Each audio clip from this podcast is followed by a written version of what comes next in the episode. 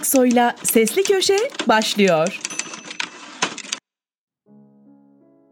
Bahadır Özgür, Hokkabazların asıl mahareti.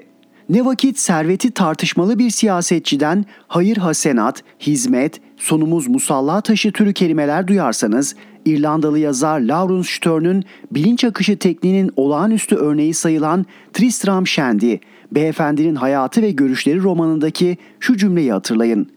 Böyle kelime oyunu yapan yan kesicilik bile yapar. Son günlerin vakıf tartışmaları da bunu hatırlatıyor. Devletin trilyon liralık kaynağıyla kurulamayan okulu, açılamayan yurdu, verilemeyen eğitimi, mesleksiz, sermayesiz aile mensupları vakıflarla beceriyor, memlekete aşıp dünyayı aydınlatıyor öyle mi? Ancak çocukları kandırabilen bir sokak okkabazının numarası kadar etkileyici bir düşünce bu. Oysa devletin kaynakları üzerinde tekelleşmiş bir zümre vakıflara merak sarıyorsa orada daima daha incelikli bir hokus pokusun döndüğünden şüphelenmek lazım. Tek adam yönetimlerinin hakim olduğu ülkelerde siyasetçilerle ilgili son yıllarda açığa çıkarılan servet transferlerinin çoğunun merkezinde aile vakıfları bulunuyor çünkü. Bizim hikayemizin nasıl biteceğini henüz bilmiyoruz ama giriş ve gelişme bölümü bize çok benzeyen başka bir hikayenin sonunu yakın zamanda izledik. Görünürde eğitime adanmış 4 aile vakfının finali göz kamaştırıcı bir servete bağlandı. Bankalar, televizyon kanalları, milyarlarca dolar nakit, 5 yıldızlı oteller, alışveriş merkezleri, golf sahaları, lüks mülkler, depolar ve hatta bir makarna fabrikasıyla peyzaj şirketi. Hikaye Kazakistan'ı yıllarca yönetmiş Nazarbayev ailesiyle ilgili. Küresel çaptaki offshore skandallarını inceleyen araştırmacı gazetecilerin oluşturduğu medya konsorsiyumu OCCRP 3 ay kadar önce Nazarbayev ağının bir anatomisini çıkarabildi. Nazarbayev'in uzun iktidarı boyunca özel hobisi aile vakıflarıydı. 2009'dan 2013'e kadar 4 vakıf kuruldu. Öylesine iç içe geçmişlerdi ki birbirinden ayırmak neredeyse imkansızdı. Bağışçıların tamamı gizliydi. Kamu tarafından cömertçe desteklendikleri halde ne yıllık faaliyet raporu ne de finansal bilgi yayınlıyorlardı. Kazakistan medyasında eğitim, sosyal ve vatansever projelere imza attıklarına ilişkin parlak cümlelerle anılıyorlardı. Vakıfların faaliyet alanı özel okullar ve öğrenci yurtlarıydı. Kamu arazileri ve binaları tahsis ediliyor, merkezi bütçeyle kamu kuruluşlarından kaynak aktarılıyordu. Mesela kamu arazisi tahsis edilerek yüklü bir teşvikle 2010'da Nazarbayev Üniversitesi kurulmuştu. Bir diğerinin bünyesinde kreşlerden ilköğretim okullarına uzanan bir eğitim zinciri vardı. Ötekisi sürekli yurt açıyordu. Kamuoyuna yansıtılan tek mali bilgi 10 yılda araştırma faaliyetleri, laboratuvar ekipmanı, öğrenci desteği ve diğer eğitim masrafları için 46,5 milyon dolar bağış toplandığıydı. Nazarbayev'in iktidarı fiilen son bulduktan sonra bir takım bilgiler de ilk kez sızmaya başladı. Vakıf yöneticileri 2019 itibarıyla ismini gizledikleri yardımseverlerden toplam 1 milyar dolarlık kaynak sağladıklarını söylemek zorunda kaldılar. Olayı araştıran gazeteciler bir tanesinin kimliğini deşifre etti. Bu Nazarbayev yönetiminde kamu ihaleleriyle zenginleşmiş oligarkların kontrol ettiği çok uluslu bir madencilik şirketi olan Avrasya Doğal Kaynaklar Şirketi'ydi. 2011'de 98 milyon dolar vermişti. Belli ki iktidarın kaynak dağıtım piramidinde bulunan daha pek çok şirket fon sağlıyordu. Vakfın tüzüğünde tek amacının eğitim misyonunu finanse etmek olduğu, bağışların buralara kullanıldığı belirtiliyordu. 2009'dan beri de yurt ve okul binaları hariç gelir getiren yatırımı resmen görünmüyordu. Ne var ki bu eğitim aygıtında göründüğünden fazlası olduğu ortaya çıkacaktı. Meğer iki vakıf Pioneer Capital Invest adlı bir yatırım fonuna para aktarmış, fonda 30 milyon dolarlık sermayeyi Expo Credit adlı bir Kazakistan bankasını satın almak için kullanmıştı. Sonrasında Pioneer Capital çılgın bir alışveriş turuna çıkıyor, Sesena Bankı ve zor durumdayken devlet yardımıyla kurtulmuş bir başka bankayı daha alıyordu. Üzerine bir e-ticaret platformu, depolar, alışveriş merkezleri ve makarna fabrikası eklemişti. Ayrıca Lüksemburg merkezli karmaşık şirket ilişkileri üzerinden Kazakistan'ın en büyük mobil operatöründe %24 hissesi bulunuyordu. Pioneer Capital'ın varlıklarının toplam değeri ABD hazine bonoları, Kırgız ve Kazak devlet tahvilleriyle 3.4 milyar dolar nakit olmak üzere 7.8 milyar doları buluyordu. Nazarbayev sonrası işin rengi belli olmaya başladığında adına kurulu vakıf Pioneer Capital'ın %75'ini aldı. Vakıf yönetimi satın almasının tamamen gelirleri artırmaya dönük olduğunu, Nazarbayev'in varlıklar üzerinde mülkiyet hakkı bulunmadığını iddia etti. 2020'de aniden Pioneer Capital her şeyini Birleşik Krallık'ta kurulan Houston Technologies adlı yeni bir holdingin bünyesine taşıyıverdi.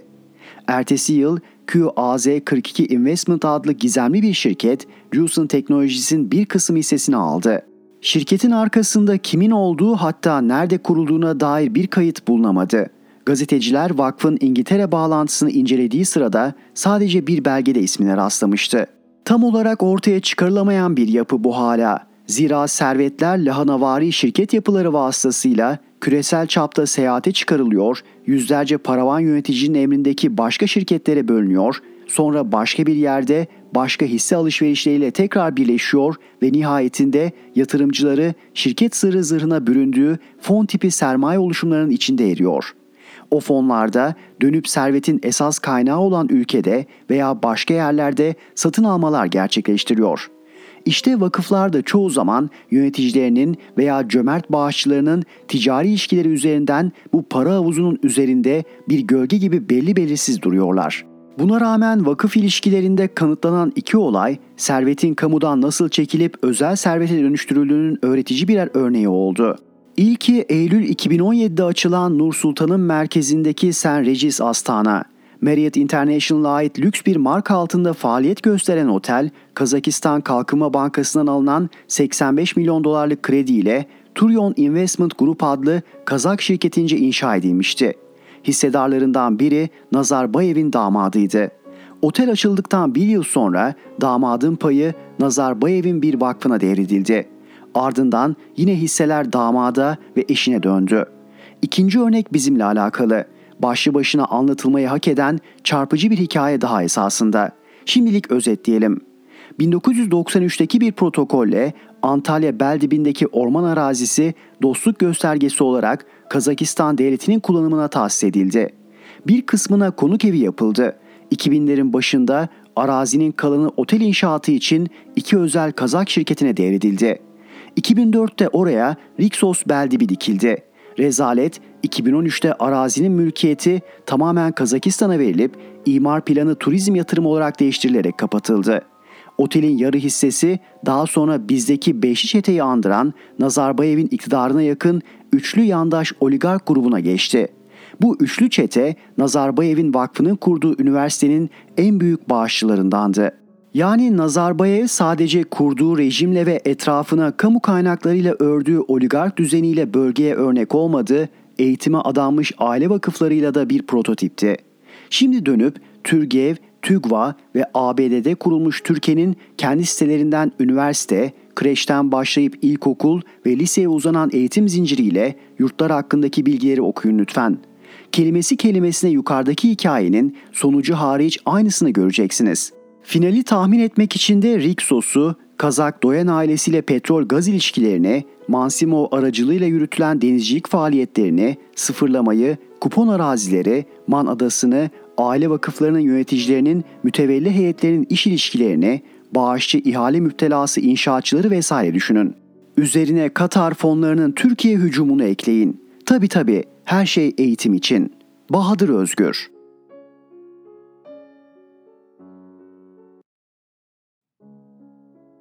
Barış Pehlivan ya AKP muhalefetin kapısını çalarsa? Biliyorsunuz Kasım'da erken seçim olabileceği konuşuluyor. Aksini iddia edenler yeni değiştirilen seçim kanununu hatırlatıyor. En erken Nisan 2023'te uygulanabileceğinden dolayı sonbaharda seçime imkansız deniyor. Halbuki bir yolu var. Soru şu. Bu son kanun anayasada yapılacak bir değişiklikle Kasım'da da uygulanabilir. O halde iktidar erken seçim için bu seçim kanunu şart koşarsa ne olur? Yani anayasa değişikliği için destek isterse muhalefet buna ne yanıt verir? Bu kritik konuya dair hem CHP hem de İyi Parti'nin kurmaylarıyla konuştum. Evet, henüz alınmamış kurumsal bir kararı açıklamalarını beklemiyordum. Lakin partilerdeki nabzı merak ettim.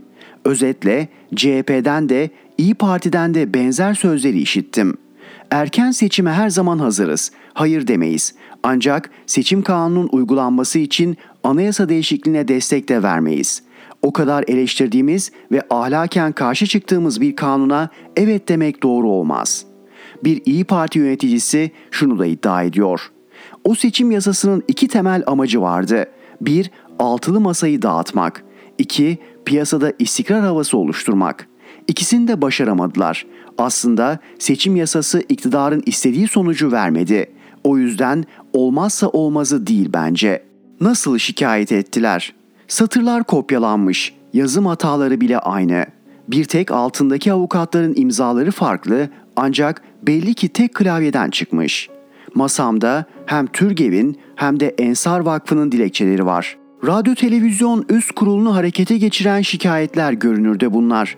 Vakıflar Kılıçdaroğlu'nun dediği neyi çürütmüş de 4 televizyon kanalı cezalandırılmış diye öğrenmek için okumaya başlıyorum. 4 bölümden oluşuyor şikayet dilekçeleri. İlk olarak vakıfların internet sitelerindeki hakkımızda bölümü kopyalanıp yapıştırılmış. Haliyle burada bulamıyorum aradığımı. İkinci bölümde devletin son 20 yılda eğitime yaptığı yatırımlar övülüyor. Sonra ülkenin yenilikçi ve rekabetçi alanda artık her zamankinden daha güçlü varlık gösterdiği iddia ediliyor. ABD dahil yurt dışına çok sayıda gencin gittiği anlatılıyor. Türgev'in ve Ensar'ın da işte o gençlerin her dönemde karşılaştığı meydan okumalar karşısında yanında olduğu ileri sürülüyor. Yani yok. Kılıçdaroğlu'nun dediklerini burada da çürütmemişler. Bir umut 3. bölüme devam ediyorum. Orada ise Türken Vakfı'nın ABD yasalarına uygun olduğu aktarılıyor. Öğrenci yurdu olacağı iddia edilen New York'taki binaya dair ise şu cümle kullanılıyor. Yerel bağışçılar dışında Türkiye ve Ensar aracılığıyla birçok hayırsever bu prestijli projenin parçası olarak yurt dışındaki Türk öğrencileri destekleme yoluna gitmişlerdir. Evet, yine okuyamadım istediğimi. Dilekçe bitmek üzere. Son bölümde Kılıçdaroğlu'nun doğru söylemediğini belgelemeye çalışmışlardır diye düşünür oluyorum.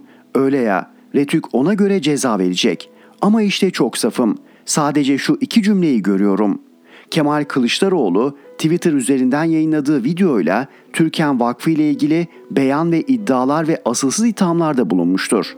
Söz konusu video ilgili basın kanunu ve diğer kanunlara aykırı olarak bazı televizyon kanallarınca yayımlanmış ve müvekkil vakıf aleyhine başlatılan asılsız, yalan, iftira ve karalama kampanyasına adeta hizmet edilmiştir. E Kılıçdaroğlu'nun Ensar'a ve Türgev'e soruları şu değil mi o videolarda? Bu paraları size kim verdi? Bu dövizleri neden ABD'ye taşıyorsunuz? Erdoğan'dan şunlara yanıt istemiyor mu CHP lideri? Ailenden kim gönderiyor bu paraları? Ve yine ailenden kim alıyor bu paraları Amerika'dan? Retük haberler soruşturulmaksızın veya doğruluğundan emin olunmaksızın yayınlanamaz diyerek Halk TV, KRT, Tele1 ve Flash TV'yi cezalandırmıyor mu? Madem öyle Türgev'in ve Ensar'ın hangi karşı belgesi CHP liderinin doğru söylemediğini kanıtlıyor. O hangi kanıt ki muhalefet liderine sansür isteniyor? Kanıksamayacaksak inatla bu soruları soracağız. Retük'ün CHP kontenjanından seçilen üyesi İlhan Taşçı ile bitireyim. Şikayet dilekçelerine verilen sayı numarasının mürekkebi kurumadan Retük Başkanı Ebu Bekir Şahin özel talimatla akşam rapor hazırlattı. Yüzlerce şikayet dilekçesi aylardır hatta yıllardır işleme bile alınmazken şimdi bu neyin telaşı, kimlere yaranma arayışı? Barış Pehlivan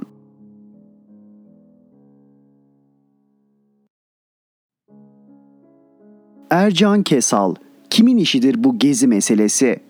Çok soruluyor bu soru biliyorum. Kimin işidir, nedir bu gezi? Gezi bana kalırsa çocukların canının erik istemesidir. Fazla mı soyut oldu? O zaman şöyle söyleyelim.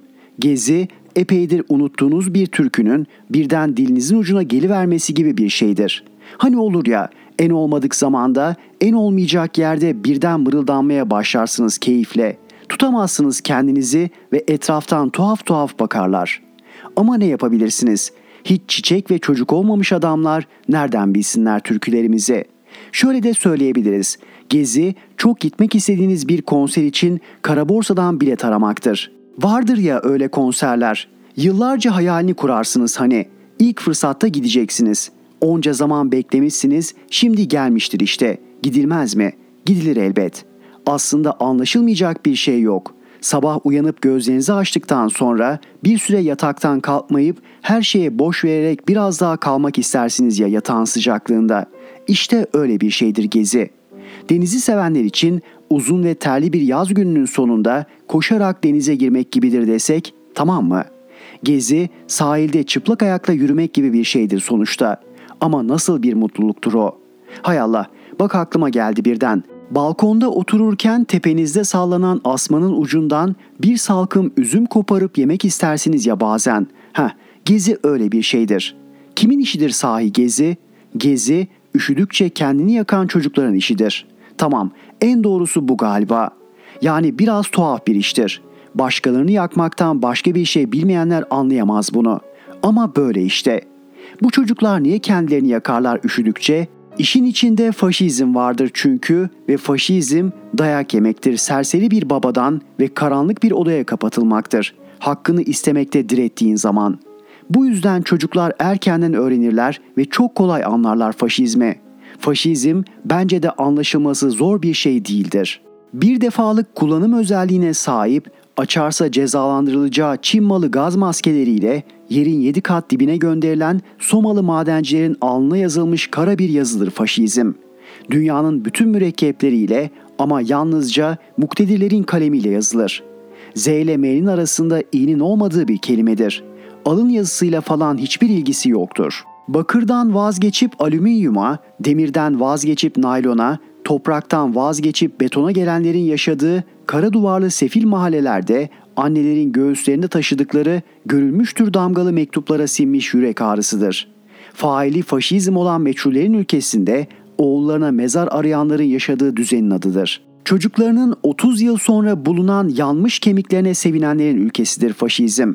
16 yaşında esmer, incecik bir kızın her gün 15 saat karın tokluğuna çalıştığı havasız ve güneşsiz bir fason atölyeye ömrünü gömmesidir. Yoksulluktur, kederdir.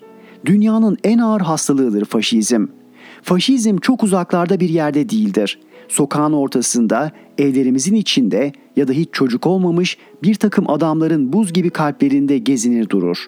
Çocuklarımızın savunmasız ve masum gövdelerine pervasızca dokunmaktır faşizm. Her gün arabanızla yanından geçip gittiğiniz bir evde yaşayan genç bir kadının hiç istemediği ve zorla dayatılan bir evliliği artık taşıyamayıp bebeğini sırtına sararak kendini ipe vermesidir. Bir ülkenin ipin ucunda sallanan vicdanıdır yani. Ya da tecavüz edilerek öldürülen günahsız kızlarının hastane morgunda bekleyen cesedini bile almaktan korkan ana babaların çaresizliğidir. Faşizm güncel bir şeydir ve kapitalizmle aynı soydan gelir. Bir yandan yağmalar, diğer yandan ortak eder günahına. Bitmek tükenmek bilmeyen karlar, komisyonlar ve yüzdelerdir. Yüksek verimliliktir akıl almaz hesaplardır. Dili bir tuhaftır, zor anlarsınız. Bankaların, borsaların ve insan kaynaklarının dilidir. Gevezedir, hastalıklı ekranlardan akıllarınıza hücum eder durmadan. Parmağını sallamaktır her seferinde. Çocuklara, kadınlara ve yaşlılara düşman olmaktır. Maden ocağının önünde yan yana yatan genç bedenlere yetmeyen tabutlardır. Kavun deposuna doldurulan cesetlerdir. Nefes alacak hava, bakacak gökyüzü, içecek temiz su bırakmamaktır faşizm. Faşizm sıraya girmektir, hizaya gelmektir, mecburen selam vermektir, başını önüne eğmektir, gölgenden korkmaktır. Umudun bitmesi, iyiliğin yenilmesidir. Sınıfta, sokakta, çarşıda, evde ve artık üzerinde yürünmesinden bile korkulan meydanlardadır. Ama zor oyunu bozar ve insanlık tarihi zalimlerle mazlumların mücadeleleri tarihidir. Evet, zor oyunu bozar ve tarih hep zalimlerle mazlumların kavgasını yazar. Bu yüzden gezi diye bir şey olur bir Haziran günü ve herkes anlamaya çalışır olanları. Ondan sonra sorar dururlar. Kimin işiymiş bu gezi meselesi? 27 Mayıs 1871'de Parislilerin de başına geldi buna benzer bir şey. Parisli komüncüler öleceklerini de bilseler tarihe başka türlü bir hayatın mümkün olabileceğini kanlarıyla yazdılar. Çoğu işçi, gazeteci, doktor ve rahip olan 92 kişi 60 gün iktidarda kalmayı başardılar. Dönemin hükümeti 27 Mayıs 1871'de kuşattığı direnişçileri ve destekçilerini vahşice öldürdü. Parisliler şehrin en yüksek tepesine gömdüler ölülerini ve adını Sacré-Cœur koydular. Kutsanmış yürek anlamında. Taksim bizim tepemiz değilse de avlumuzdur. Gezi boyunca bizim avludan da birçok kuş havalandı. Ali İsmail saka kuşudur. Renkli kanatları ve narin boynuyla. Saka kuşunun vatanı Hatay'dır. Ali de herhalde memleketine gitmiştir.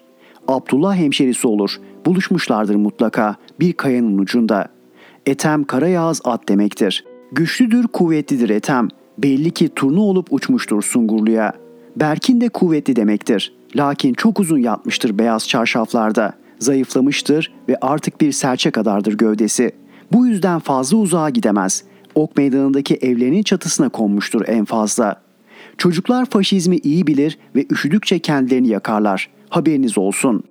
Gezi yıl dönümü vesilesiyle eski bir yazımdan yola çıkarak Ercan Kesal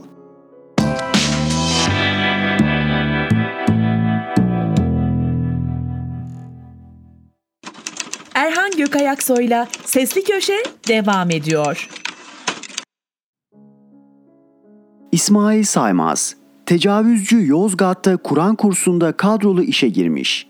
Erzurum Hacı Bahattin Evgi yatılı erkek Kur'an kursunda belletmen HA tarafından iki çocuğa tecavüz ve beşine cinsel istismarda bulunmasına ilişkin dava dün görüldü.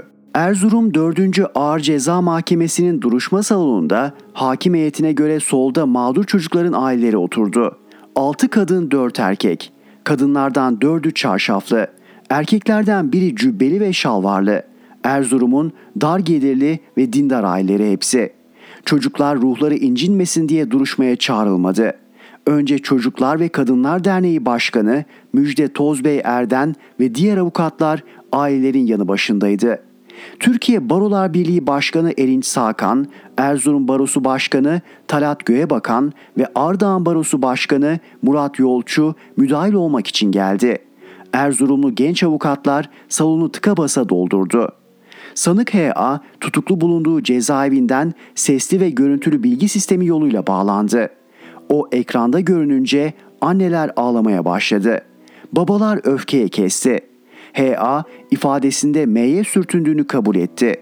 Hatta kendisini kurtarmak için M'nin tahrik ettiğini savundu. Zorla porno film izlettiğini, kaçanları dövdüğünü söyledi.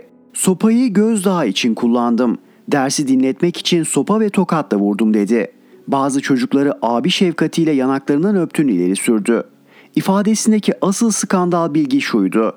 Yozgat'ta Kur'an kursunda görevli arkadaşının yardımcı olması üzerine kursta kadrolu işe girdiğini ifade etti.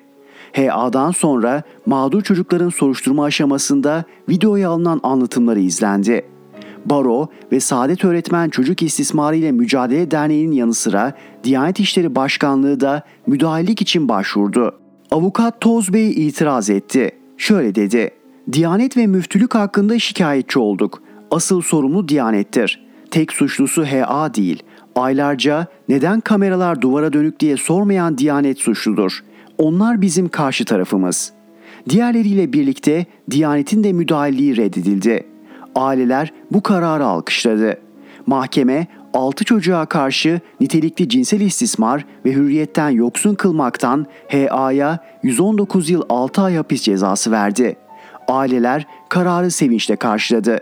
Sırada 3 dava daha var. HA eziyetten, yurt müdürü NK görevi ihmalden, müdür NK ayrıca temizlikçi UG ile birlikte işkenceden yargılanıyor. Erzurumlu üç anne, Diyanet'in adını duymak istemiyoruz. Karşımda Hacı Bahattin Evgi yatılı erkek Kur'an kursunda çocukları istismar edilen çarşaflı üç anne var. İkisi aynı zamanda kardeş. Aileler kendilerini ziyaret eden Diyanet'e ait heyetin kurumumuzun adı lekeleniyor dediğini belirterek Diyanet İşleri Başkanı Ali Erbaş'a ve Erzurum müftüsü Şahin Yıldırım'a öfke kusuyorlar. U'nun anası T. Erbaş kendinden utanmalı. Müftü gözümün içine baka baka diyor ki biz kardeşiz.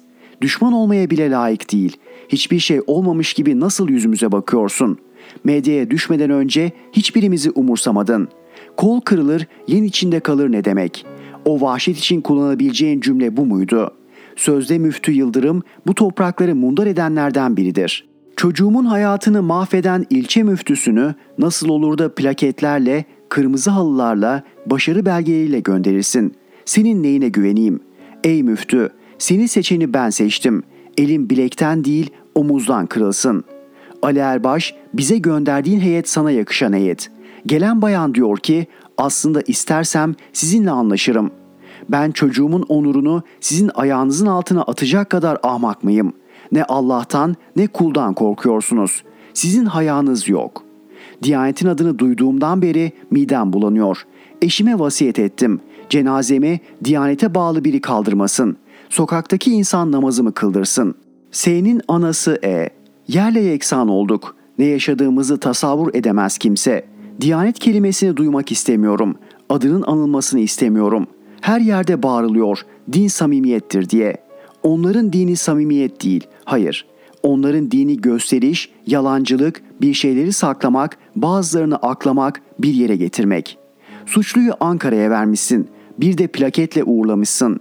Şehrimiz önemli bir değerini kaybetti diyorlar. Şehir önemli değerini kaybedeli bayağı oluyor. Diyanetin davaya müdahil olmaması güzel oldu. Hatta alkışladım. Onları çevremde görmek istemiyorum. Kendilerine de söyledim. İsminizi duymak istemiyorum. Müftü yalandan kardeşinizim diyor. Kardeş böyle yapmaz. Zor günde yanında olur değil mi? Müftülük adliyeye çok yakın. Davanızın arkasındayım, sizin kardeşinizim deseydi derdik ki bu samimi ama değil. Erzurum'un imajı sarsılıyormuş. İslam'a zarar veriyormuşuz. Dine zarar veren ortada. Bunlar sol kesimden korktukları kadar affedersiniz Allah'tan korkmuyorlar. Sağ kesim gelsin onunla da konuşurum. Müftülüğe söyledim. Diyanet TV bizle röportaj yapsın anlatayım. Beklediler ki diğer aileler gibi geri adım atalım. Asla. Benim davam tecavüzcüye o zemini hazırlayan, çocukları girdaba sokan, buna itaat edeceksiniz diyenlerle. Silsile olarak bakıyorum. Diyanet İşleri Başkanı'ndan tutun aşağıya kadar hepsinden davacıyım. T'nin anası Z. Hem anneyim hem teyzeyim. Çocuklarımız beraber okuyorlardı. Biz araştırdık. Köklü diye Diyanetin diye güvenerek verdik. Biz aileler suçluyuz belki kabul ediyoruz. Ama Diyanetin avukatının ismimiz kirleniyor demesi bizi yaraladı. Davanızı çekin dediler. Bu toplumun davası. Hangi şehirlerde neler yaşanıyor? Aileler ses çıkarmadığı için devam ediyor. Biz de gizleyebilirdik. Üstünü örtebilirdik. Evlatlarımızın yaşadığını başka evlatlar yaşamasın. Bakın ben ayırmıyorum. Ağlıyor. Hepsi evladım. Biz İslamiyet'i yaşamaya çalışıyoruz. Çocuğumuz da yaşasın diye kuruma verdik. Ama yaşadıklarının İslamiyetle ve insanlıkla alakası yok. Diyanetinki koltuk davası. Tamam üzgünüz ama ne yapıyorsunuz? Hiçbir şey. Kurumun ismi lekeleniyor. Kim lekelenecekti ki? Çok merak ediyorum. Ki bir kursta değil Erzurum'da kim bilir kaç tane. Göz yummuşlar. Kameralar var duvara bakıyor. O kameranın görevi duvara bakmak değil çocukları izlemek. 10 yaşında bir çocuk bu. Ona demişiz ki hafızlık yapacaksın, güzel bir birey olacaksın. Hiç mi görmediniz? Hiç mi fark etmediniz? Burası yol geçen anıysa biz niye içeriye giremedik? Çocuk diyor ki çay hazırlıyorduk, tuvalet temizliyorduk. Neden tuvalet temizlesin? Tuvalet temizlesin diye vermedim. Biz güvenerek verdik. Güvenimiz boşa çıktı. Büyük oğluma diyordum ki senden sonra küçüğü de vereceğim. Şu an asla kapıların önünden geçmem. İsimlerini duyduğumuz zaman tüylerimiz diken diken oluyor. Bu bir devlet kurumu ve canımızı yakıyor. İsmail Saymaz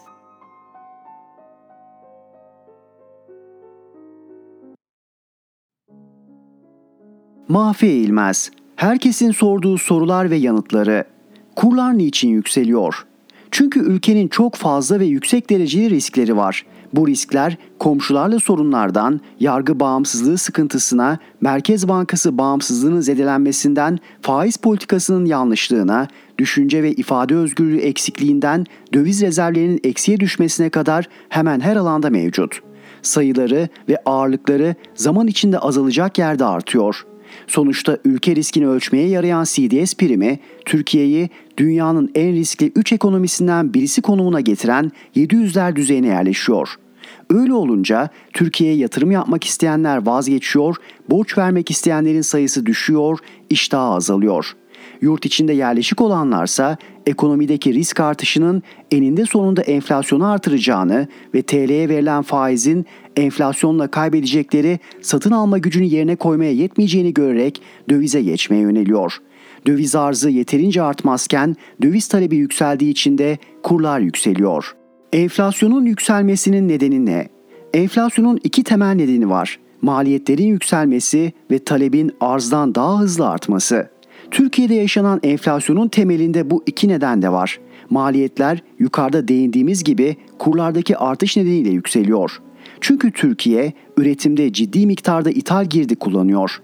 Kur yükselince ithal girdi maliyetleri dolayısıyla üretim maliyetleri ve giderek satış fiyatları artıyor. Kur sürekli yükseldiği için de bu artış süreklilik kazanıyor ve maliyet enflasyonuna yol açıyor. Enflasyon yükselince ücretler, kiralar, taşıma maliyetleri başta olmak üzere diğer maliyet kalemleri de yükseliyor ve kur yükselişiyle başlayan maliyet enflasyonu diğer kalemlerde de beslenerek hızlanıyor.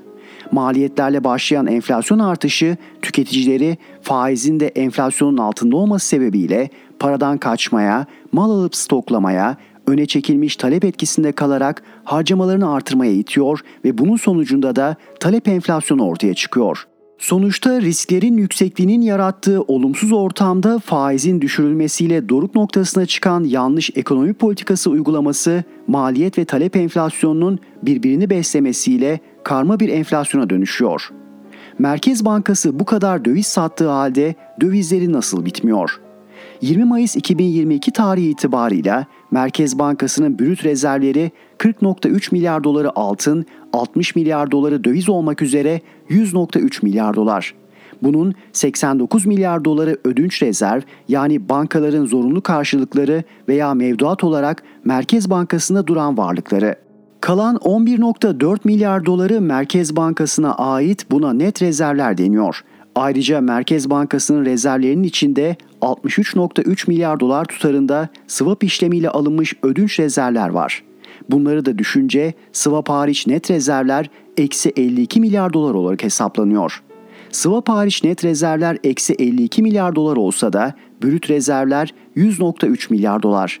Yani Merkez Bankası zorunlu karşılıkları bankalara iade etmediği, bankalar Merkez Bankası'ndaki döviz mevduatlarını çekmediği ve swap işlemi karşılığı ödünç alınan dövizler geri ödenmeyip yenilendiği sürece Merkez Bankası'nın elinde kullanabileceği 100.3 milyar dolar rezerv var demektir. Öte yandan Merkez Bankası'nın piyasaya sattığı dövizler de yok olup gitmiyor. Merkez Bankası dövizi bankalara satıyor, bankalar bu dövizlerin bir bölümünü döviz almak isteyenlere mevduat yapıyor.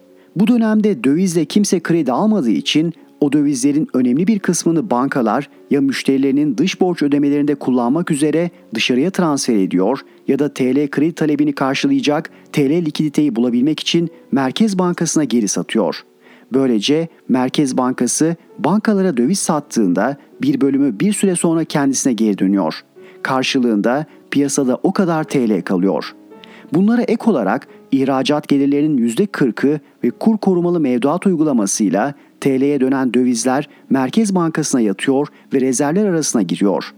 Ne var ki ithalat ihracattan büyük olduğu için gelen dövizden fazlası tekrar dışarı gidiyor. Risklerde azalma olmadığı için dövizlerin bir bölümü de yastık altına giderek sistem dışına çıkıyor. Merkez Bankası'nın sattığıyla bankaların Merkez Bankası'na geri sattığı dövizler arasındaki fark Merkez Bankası'nın rezervlerini azaltıyor. Özetle söylemek gerekirse Merkez Bankası'nın rezervleri kullanarak dövize müdahalesi çektiği suyu aynı kuyuya geri basan bir çeşit emme basma tulumba gibi çalışıyor. Ne var ki arada bir kur korumalı mevduat gibi ilave su eklense de her çekip basmada giderek artan sızıntılar olduğu için kuyudaki su miktarı azalıyor. Mahfi İlmez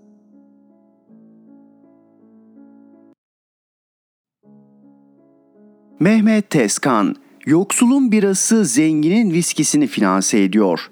TÜİK'in açıkladığı birinci çeyrek büyüme rakamlarına bakılınca şu söylenebilir. Devlet büyüdü ama millet küçüldü. Aslında devlet büyüdü demek de yanlış galiba. Son dönemde varlıklı varlığına varlık kattı, yoksul daha da yoksullaştı demek daha doğru olur.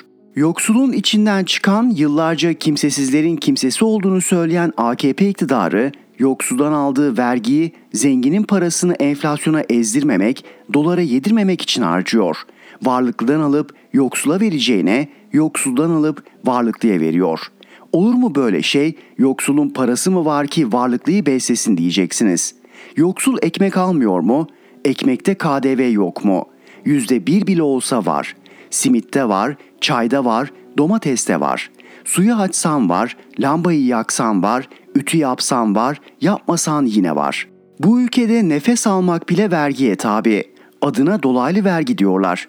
Uyandığın an taksimetre çalışmaya başlıyor. Umumi tuvalette bile yakanı bırakmıyor. Erdoğan ve saray anlayışı topladığı bu paraları kur korumalı mevduat adı altında varlıklıya aktarıyor. Şöyle izah edeyim. Erdoğan dün dedi ki vergiyi hem suluda artırıyoruz hem sigarada artırıyoruz. Ama aç sefil geziyorlar, rakıyı bir ay almaktan geri durmuyorlar. Rakı öyle pahalandı ki aç sefil gezmeyi göze alsalar bile insanların rakı alacak gücü kalmadı. O eskidendi. Erdoğan eski Türkiye'yi hatırlatıyor. Fakir ama bolluğun olduğu Türkiye'yi. Fakir ama bereketin olduğu Türkiye'yi.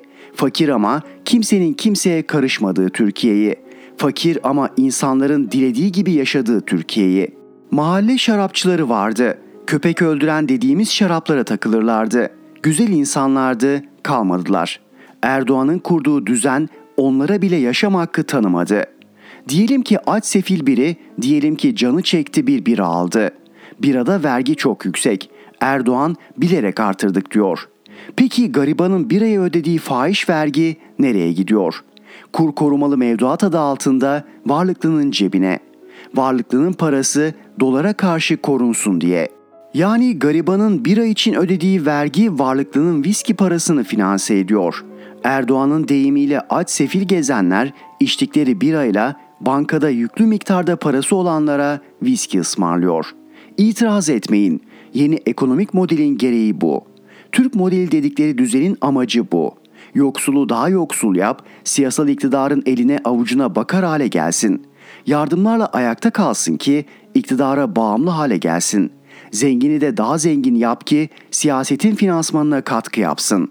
Hayır böyle değil atıyorsun, abartıyorsun diyen çıkmaz herhalde.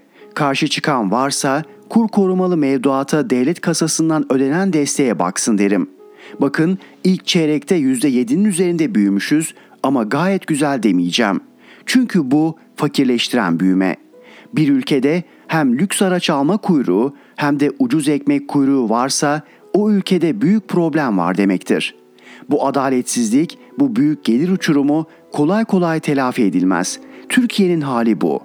İşimiz zor. Allah kolaylık versin. Bu arada unutmayın aldığınız her bira varlıklıya bedavadan viski olarak gidiyor.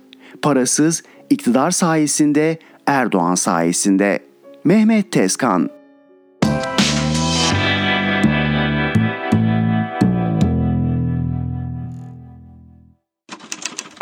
Erhan Gökayaksoy'la Sesli Köşe devam ediyor.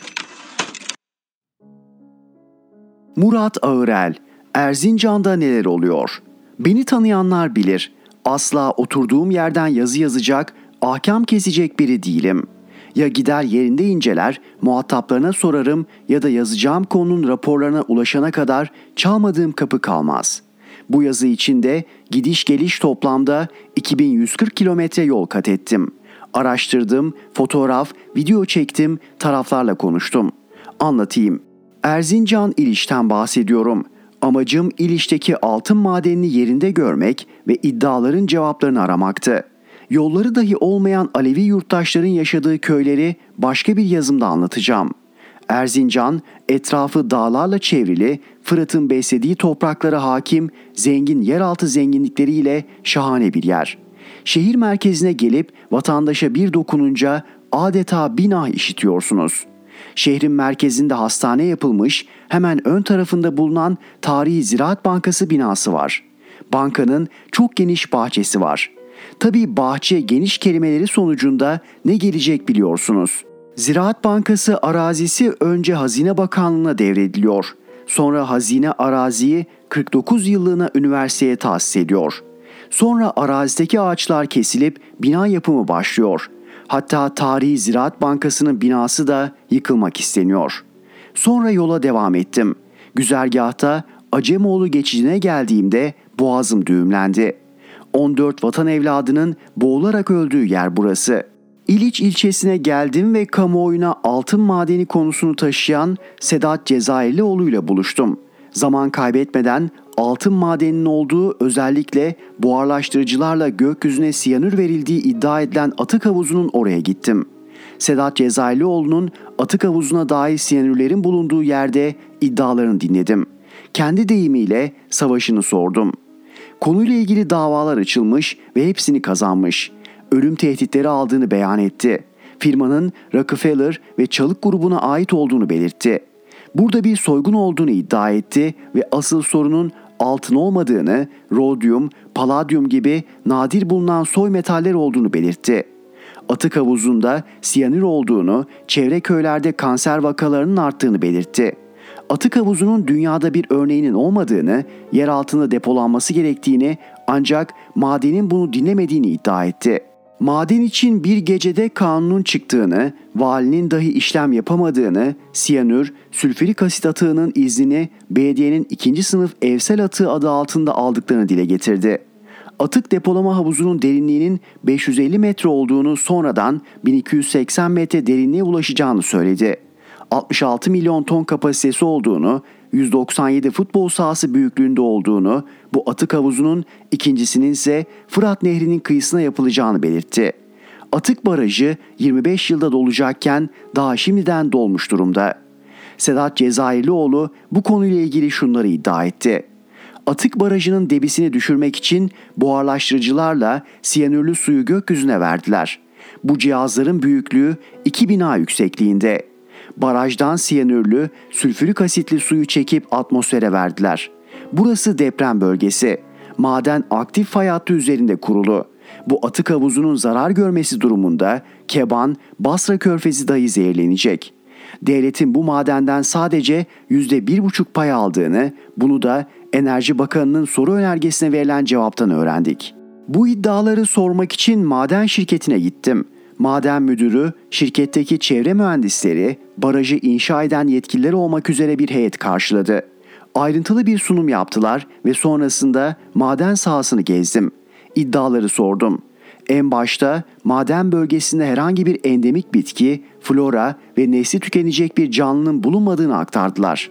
Orman alanı veya verimli arazi olmadığını, sarp dağ olduğunu belirttiler. En azından benim gözümle gördüğümde bu şekildeydi. Bölge sarp arazi ve taşlık, orman alanı yok. Şirkettekilere atık depolama havuzunu sordum. Havuzda sülfürik asit veya siyanür olmadığını, nötralize edilmiş su olduğunu belirttiler. Buharlaştırıcıların neden kullanıldığını sorduğumda ise bu sene son yılların en fazla yağışının yağdığını, aylar sonra dolması gereken havuzun yağışlar sebebiyle dolduğunu, suyun zaten normal şartta buharlaştığını ancak buharlaşma hızının çok yavaş olduğunu, bu nedenle buharlaştırıcılar yardımıyla atık havuzundaki nötralize edilmiş suyu buharlaştırmaya çalıştıklarını, bu şekilde Ekim ayına kadar zaman kazanmaya çalıştıklarını, verilen yanlış bilgiler sebebiyle her gün bir denetleme heyetinin geldiğini ve bundan bıktıklarını, buharlaştırıcıları daha sonra söktüklerini belirttiler. Maden sahasında atmosfere verilen beyaz dumanın zehirli olduğu iddialarını reddederek o beyaz dumanın su buharı olduğunu savundular. Fırat'ın kenarına yapılması planlanan ikinci atık su barajını sordum.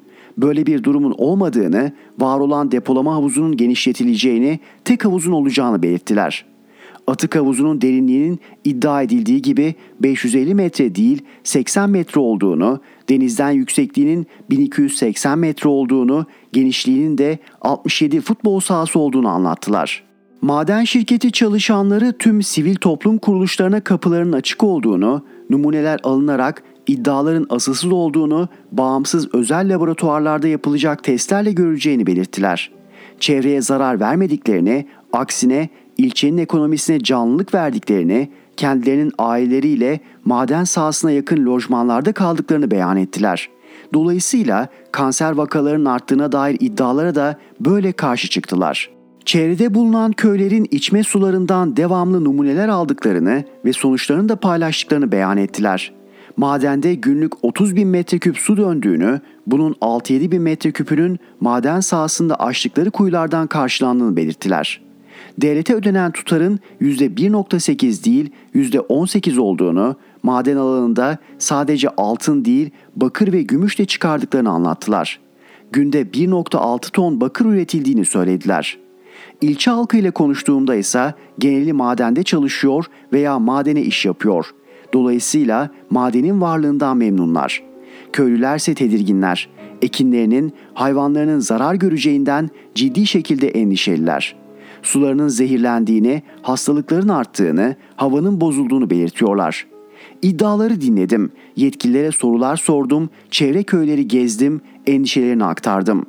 Benim gördüğüm dağ yok olmuş, devasa bir çukur oluşmuş ve maden genişleyerek devam ediyor. İddiaların peşindeyim. Devletin denetim raporlarını, madenin raporlarını alacağım. Devamında ortaya çıkan sonuçları aktaracağım. Murat Ağırel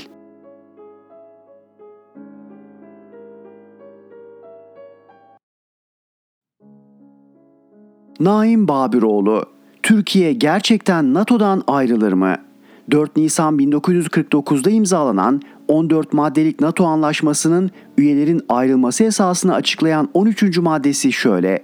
Antlaşma 20 yıl boyunca yürürlükte kaldıktan sonra herhangi bir taraf ayrılma bildirimini Amerika Birleşik Devletleri hükümetine vermesinden bir yıl sonra taraf olmaktan çıkabilir.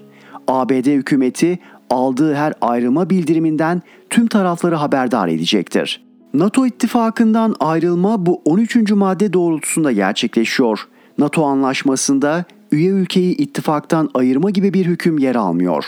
Fransa Cumhurbaşkanı de Gaulle, Fransa'nın bağımsız bir savunma politikası izlemesi gerektiği düşüncesiyle 7 Mart 1966'da ABD Başkanı Johnson'a NATO'dan ayrılma isteğini bir mektupla belirtti. 14 Mart 1967'de Fransa NATO'nun askeri kanadından ayrıldı ve Paris'teki NATO karargahı Belçika'ya taşındı. Fakat Fransa bir nükleer güç olmasına rağmen NATO dışında kalamadı ve 1995'te başlayan süreçle 2009 yılında tekrar NATO'nun caydırıcılık şemsiyesine geri döndü. Yunanistan 1952'de Türkiye ile birlikte NATO'ya üye oldu. Kıbrıs Barış Harekatı'nda NATO'nun Türkiye'ye yeterli tepki göstermediğini ileri sürerek 16 Ağustos 1974'te NATO'nun askeri kanadından çekildi. 1977'de geri dönmek istedi ancak Türkiye'nin karşı çıkış nedeniyle üye olamadı. 12 Eylül 1980 askeri darbesinden hemen sonra 20 Ekim 1980'de Türkiye'nin onay vermesiyle tekrar NATO'ya dönebildi. Türkiye bağımsız bir ülke ve elbette istediği zaman NATO'dan ayrılabilir. Neden olmasın? Kendi milli savunma sistemini kurmuş, ulusal hava savunma sistemini oluşturmuş, kendisine yönelen tehditlere karşı koyabilen, herhangi bir ittifakın şemsiyesine ihtiyaç duymayan bir ülke elbette NATO ittifakını terk edebilir. Suriye ve Orta Doğu'da Türkiye'nin ulusal çıkarları ABD ile çatışma durumunda. ABD, Suriye'de Türkiye'nin terör örgütü olarak kabul ettiği PKK'nın kolu YPG'yi eğitip donatarak düzenli bir ordu durumuna getirmekte. ABD, Suriye ve Irak'ın parçalanmasından yana bir politika izliyor. Bu da Türkiye'nin bekasını olumsuz etkilemekte. Öte yandan Irak ve Suriye'nin toprak bütünlüğünün korunması yönünde Türkiye'nin Rusya ile politikaları bugün için örtüşmekte. Türkiye 2011'den 2016'ya kadar sürdürdüğü politikaları bırakarak Rusya ile işbirliğini artırdı. Bu işbirliği Rusya'dan stratejik düzeyde S-400 hava savunma sistemi alımıyla taşlandırıldı. Ancak Rusya PKK ve PYD'yi terör örgütü olarak kabul etmiyor. Rusya ile süre gelen iyi ilişkilerin devam edeceği olasılığı ne kadar geçerli?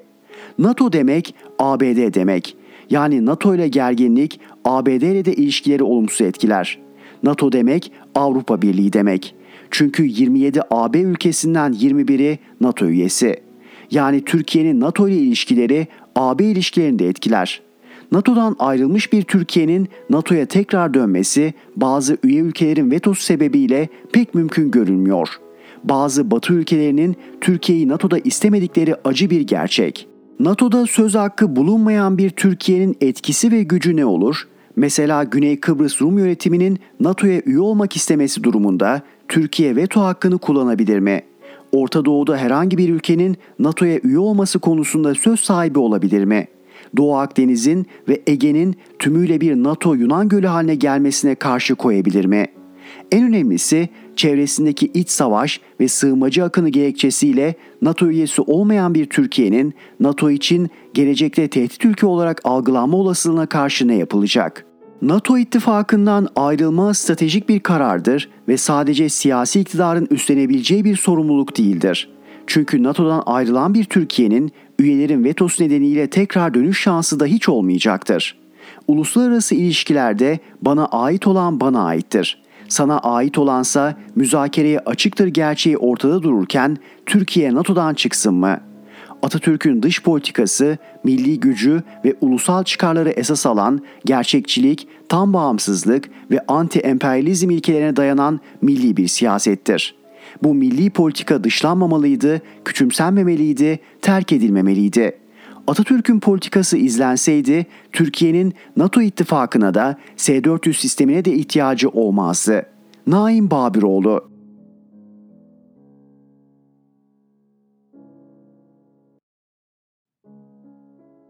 Rifat Serdaroğlu Benzeyerek yenemezsiniz.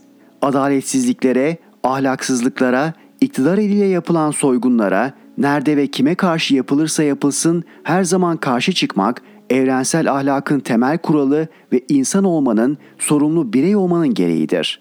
Bizler önce yıllarca kişisel olarak 3 yıl çoban ateşi hareketiyle 2 yıldır da Doğru Parti olarak böyle davrandık. Bugün CHP İl Başkanı Canan Kaftancıoğlu'nun başına gelenler yıllardır bizlerin kadrolu dertlerimiz oldu. Şikayet etmedik, kimseden yardım istemedik ve bu zulümleri mümkün olduğu kadar duyurmadık, siyasi şov aracı yapmadık.'' Çünkü cumhuriyeti, demokrasiyi, hukuku, özgürlükleri savunmak bizim için doğal görevdir. Hayatları hile, yolsuzluk, yalan, hırsızlık ve riya üzerine inşa edilmiş yobazları tanırız, ne tip zavallılar olduklarını biliriz. Yobazlarla mücadele için kimseden emir almayız. Türk milletinin onayından geçmiş anayasamızın başlangıç kısmı ve Büyük Atatürk'ün Türk gençliğine hitabesi bizim için devamlı sefer görev emridir.'' Bu vatan görevini yaparken siyasi yasak getirilmiş, hapis cezası verilmiş, tehdit edilmiş, saldırıya uğramışız, ekonomik ambargo uygulanmış, en yakınlarımızın bile haberi olmaz. İnanışımıza göre aklın ve vicdanın yerine paranın kişisel çıkarların ve ahlaksızlığın aldığı böyle zor dönemlerde kendisini Türk milletinin evladı olarak gören herkesin ayağa kalkması gerekir.'' Doğru Parti olarak bizler CHP'nin kurumsal kişiliğine saygı duyarız ve onu demokrasimizin önemli bir kurumu olarak kabul ederiz. Fakat CHP 2002'den beri önce Deniz Baykal'ın 2010'dan sonra da Kemal Kılıçdaroğlu'nun yönetiminde yaklaşmakta olan siyasi ümmetçilik tufanını doğru okuyamadı ve demokratik tedbir alamadı. Biz defalarca genel başkanları dahil CHP'deki dostları ikaz ettik ama dinletemedik.'' Aksine AKP'yi demokrasi ürünü bir parti olarak görüp defalarca destek oldular. CHP Erdoğan'ın siyasi yasağını kaldırdı. Cesur muhalefet yapamadı. Abdullah Gül telkiniyle Ekmelettin'i Cumhurbaşkanı adayı yaptı. Yüksek yargının önce FETÖ'nün sonra AKP'nin kölesi olmasına direnmedi. Türk ordusunun komuta heyetinin çökertilmesini seyretti. Davutoğlu'nun istikşafi görüşmeler yalanını yuttu. AKP'nin 15 Temmuz mitingine katılıp meşrulaştırdı. 2002'den bu yana yerel genel referandum olmak üzere tam 15 seçimde mağlup oldu.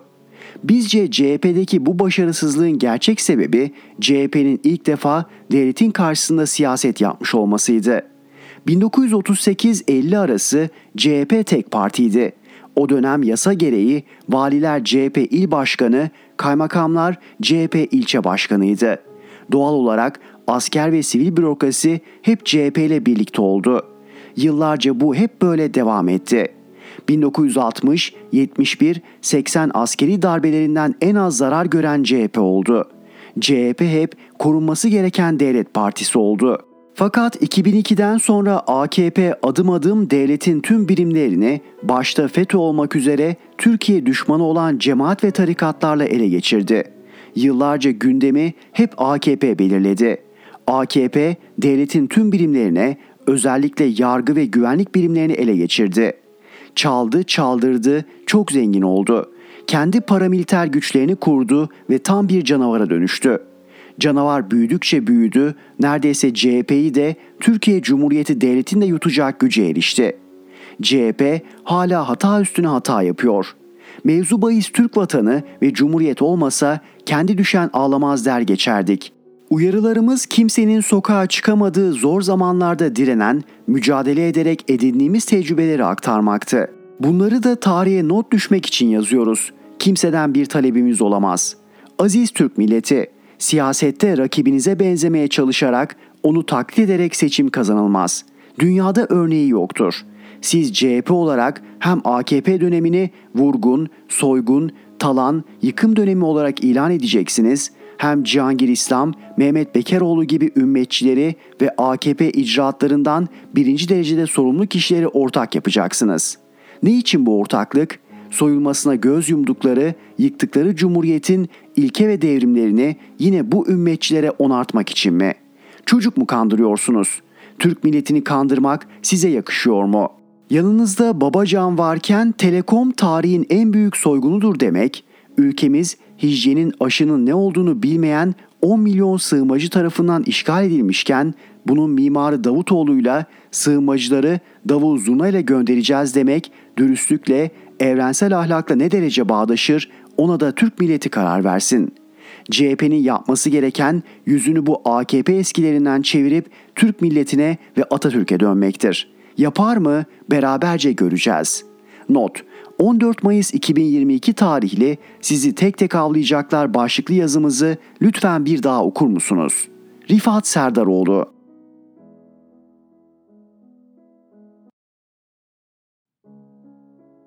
Tuncay Molla Veysoğlu Sarayın yargısı Kılıçdaroğlu'na linç, Kaftancıoğlu'na yasak, İmamoğlu'na darbe. Pişman değilim dediği halde cezası ertelendi. CHP lideri Kemal Kılıçdaroğlu'nun ölümden döndüğü Çubuk'taki saldırının faili dava sürecinde dalga geçer gibi savunma yaptı. Ceza almayacağını biliyordu, rahattı. Yine olsa yine yapardı. Ana muhalefet liderinin canına kasteden şahıs pişman değilmiş. Benzer bir saldırının Erdoğan'a yapılmış olduğunu düşünün. Saldırgan gün yüzü göremezdi. Hatırlayalım 2019 yılının Nisan ayı CHP lideri Kemal Kılıçdaroğlu Ankara Çubuk'ta planlanmış bir linç girişiminden tesadüfen kurtuldu. Evet, planlıydı ve öldürmek maksadıyla yapılmıştı. Şehit cenazesine katılım 10 bin kişinin üzerindeydi ve törene Ankara'nın çeşitli ilçelerinden insanlar taşınmıştı. Yapılan ilk gözaltılardaki 15 şüpheli Ankara Büyükşehir Belediyesi'nde şoför olarak çalışıyordu. Kılıçdaroğlu öldürün hezeyanları içinde bir eve sığındı. İki saate yakın evde mahsur kalmasına, provokatörlerin evi yakın haykırışlarına rağmen çevrede güvenlik çemberi oluşturulmamıştı. Linç girişiminde açıkça yer aldığı tespit edilen hiç kimse tutuklanmadı. Dün tutuklusu olmayan davada karar verildi. Mahkeme saldırıdan zerre pişmanlık duymayan güruhu serbest bıraktı. Sarayın mahkemeleri Toplumsal barışa dinamit koyan bu kararla eş zamanlı CHP İstanbul İl Başkanı Canan Kaftancıoğlu Silivri yolundaydı. 9 yıl önce yaptığı bir paylaşımı halının altından çıkardılar, troll ordularının hedefi yaptılar, en üst perdeden yargıya talimat vererek Silivri'nin taşlarını döşediler. Kaftancıoğlu denetimli serbestlik yasasından yararlanacak. Hapis yatmayacak ancak siyasi yasağa devam edecek. Sarayın siyasetçilere, gazetecilere verdiği gözdağıdır yaşadığımız hukuk garabeti ve yargıyı ele geçirdiğinde darbe yapmaya gerek kalmadığının da. Ekrem İmamoğlu değil, halk yargılanıyor. İstanbul Büyükşehir Belediye Başkanı Ekrem İmamoğlu bugün yargı karşısına çıkıyor. Neden? Yüksek Seçim Kurulu üyelerine hakaret etmiş. YSK üyelerinin seçimlerde verdiği haksız kararlar ayrı bir yazı ve eleştiri konusu. Çünkü davaya konu olan mesele aslında bu değil. YSK'ya hakaret ettiği bahane edilerek İmamoğlu'na siyasi yasak getirilmek isteniyor. Hatırlatayım İmamoğlu Strasbourg'da katıldığı bir toplantıda kazandığı seçimlerin nasıl iptal edildiğini anlatmış, hukukun üstünlüğüne vurgu yapmış ve halk iradesinin demokrasiden yana tavır aldığını söylemişti. İçişleri Bakanı Süleyman Soylu İmamoğlu'nun bu açıklamasına Avrupa Parlamentosu'na gidip Türkiye'yi şikayet eden ahmağa söylüyorum. Bunun bedelini bu millet sana ödetecek. Yazıklar olsun demişti. İmamoğlu'nun tüm dünyanın bildiği gerçeği Avrupa'da tekrar etmesi sanki suçmuş gibi algı yaratan, haksız, maksatlı ve ağır dille seçilmiş bir belediye başkanı hedef alan Soylu'ya yanıt gecikmedi. İmamoğlu kendisine sorulan soruya yanıt olarak 31 Mart'ta seçimi iptal edenler ve dünyada Avrupa'da onların gözünde nereye düştüğümüz noktasında o olan biten şeylere baktığımızda tam da 31 Mart'ta seçimi iptal edenler ahmaktır dedi. Vay sen misin yanıt veren? İçişleri Bakanı'na bir belediye başkanına neden ahmak diyorsun diye soramayanlar bakana verilen yanıtı dillerine doladılar. Suç üretmek için de İmamoğlu bu sözü Soylu'ya değil YSK üyelerine söylemiş gibi algı yarattılar. İşte bir bardak suda kopardıkları fırtına bu. Kurdun aklına kuzuyu yemek düşmüş. Bugün o mahkemeden Ekrem İmamoğlu'na siyasi hayatını bitirecek bir mahkumiyet kararı çıkacağını düşünmüyorum.'' hukukun, vicdanın kırıntısı kaldıysa bile geleceğe dair umut etmek için yeterlidir. 300 yıl öncesinden bugüne anlatılan o ünlü hikaye geliyor aklıma. Değirmenini yıkarak saray yapmak isteyen Prusya kralına değirmenci baba mirasını vermeyi reddetmiş, Berlin'de hakimler var demişti. Kralın yanıtı tarihe geçmişti. Hiçbir güç, hiçbir siyaset, hiçbir iktidar kral bile olsa adaletten üstün değildir.'' Bugün Ekrem İmamoğlu değil İstanbul yargılanıyor. Ekrem İmamoğlu değil enkaza dönüşen demokrasimiz halk yargılanıyor. Tuncay Molla Veysoğlu